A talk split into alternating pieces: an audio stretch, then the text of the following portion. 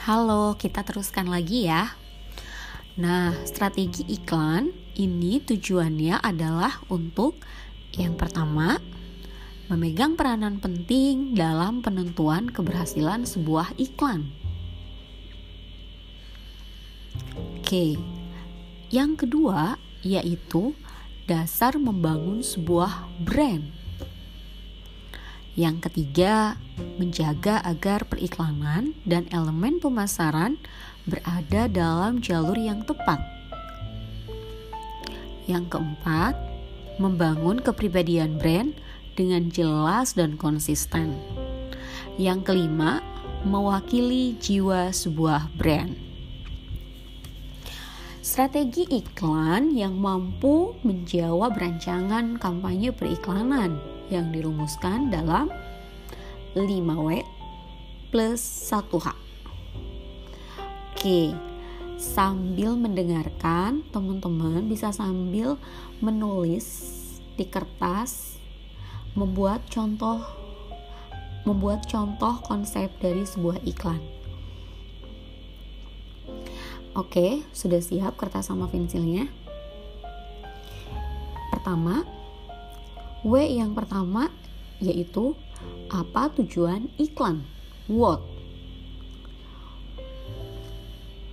W yang kedua yaitu adalah who. Siapa halayak yang akan dijangkau? Halayak yang akan dijangkau ini berkaitan dengan segmentasi dari sebuah produk iklan tersebut. Nah, ini dapat dilihat dari sisi demografis, misalnya usia, jenis kelamin. Yang berikutnya adalah sisi psikografis, gaya hidup. Dan yang ketiga adalah sisi sosio-psikografis. Nah, itu bisa dilihat dari kelas sosialnya. W yang ketiga yaitu adalah when kapan iklan akan dipasang. Ini harus jelas dulu berkaitan dengan W berikutnya yaitu where di mana iklan dipasang. Di mana iklan dipasang akan berkaitan dengan kapan iklan ini akan dipasang gitu. Salah satu contoh misalnya iklan akan dipasang di media televisi. Nah, kapan iklan dipasang bisa jadi misalnya di jam-jam sibuk atau di jam-jam yang orang cenderung istirahat. Nah, itu akan berkaitan dengan when. Gitu. W yang berikutnya adalah why. Mengapa harus demikian? Mengapa iklan itu harus seperti itu? Nah, selanjutnya adalah how bagaimana bentuk iklannya. Di sinilah kreativitas uh, dari scriptwriter. Dia menulis bagaimana konsep dari iklan tersebut.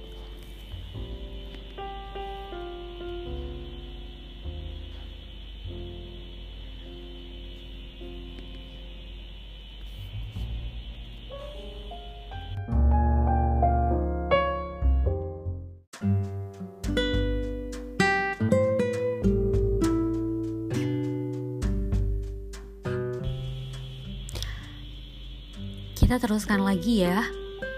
Nah, strategi iklan selain harus mampu menjawab rancangan kampanye periklanan melalui 5W1H, maka strategi iklan juga harus memiliki tujuan. Yang pertama, menciptakan iklan yang efektif. Yang kedua, rumusan pertanyaan 5W1H seperti yang sudah dijelaskan pada episode sebelumnya. Yang ketiga, pengetahuan yang cukup tentang produk. Yang keempat, persaingan pasar atau kompetitor. Yang kelima adalah analisis mendalam tentang konsumen. Nah, masuklah kita kepada strategi iklan. Salah satunya adalah marketing brief. Hal yang pertama sebelum strategi iklan dirumuskan adalah informasi mengenai produk atau jasa yang akan diiklankan yang dibuat oleh klien Pertama, meliputi brand. Apakah brand tersebut adalah baru atau telah lama ada di pasaran? Ini seperti yang sudah saya jelaskan pada beberapa minggu yang lalu mengenai siklus hidup produk. Posisi produk ada di posisi yang mana? Apakah perkenalan, tumbuh, market leader, atau sudah penurunan? Berikutnya, yang kedua yaitu product knowledge. Penjelasan singkat fitur yang terkandung dalam produk. Oke, yang ketiga, diferensiasi keunggulan yang membedakan dengan kompetitor apa saja sih keunggulannya? Nah, ini harus dituliskan. Yang keempat, target audience. Segmentasi produk yang akan diiklankan. Kelompok mana yang akan menjadi target market? Pahami bagaimana mereka berpikir, bertindak, dan berperilaku. Amati pola pergaulan mereka. Dengarkan bagaimana mereka berbicara apa yang membuat mereka tertarik untuk mendengar? Benda dan warna apa yang membuat mereka menolehkan mata? Kesempatan untuk memenangkan perhatian konsumen adalah dalam hitungan detik. Nah, yang kelima yaitu harus melakukan yang namanya analisis SWOT untuk menganalisis suatu produk yang dibandingkan dengan produk pesaing serta menganalisis kondisi dan juga kecenderungan pasar. Analisis SWOT berkaitan dengan kekuatan, kelemahan, kesempatan atau peluang dan juga ancaman dari sebuah produk.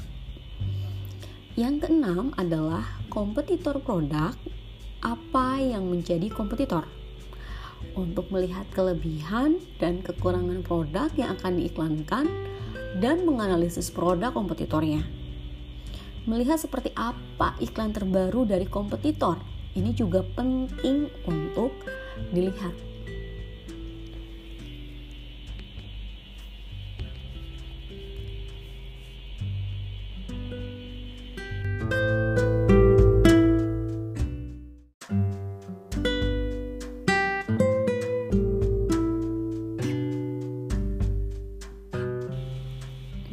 Strategi iklan yang kedua yaitu adalah kreatif brief atau sering kali disebut yang namanya rangkuman kreatif.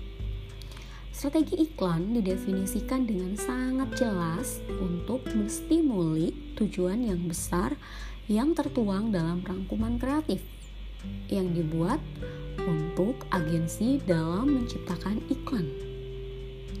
Rangkuman kreatif ini merupakan jembatan strategis iklan dengan kreativitas periklanan. Rangkuman kreatif mewakili situasi sekarang, kompetisi, kondisi pasar, dan juga pertimbangan media.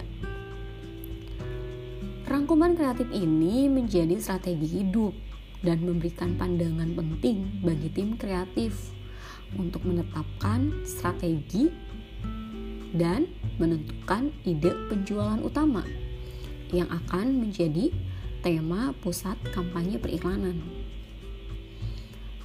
Masing-masing agensi periklanan sebenarnya memiliki model rangkuman kreatif yang berbeda-beda tentunya. Tergantung dari kebutuhan produk yang akan diiklankan.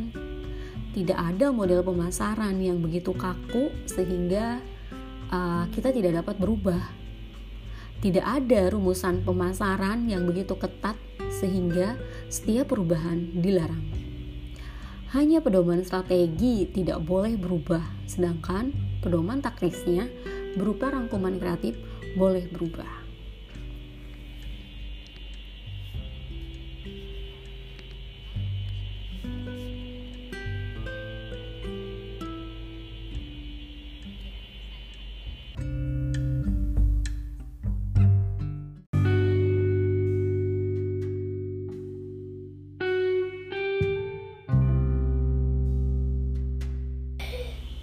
Yang paling sulit justru adalah yang paling sederhana dari proses pembuatan iklan itu sendiri, yaitu apa?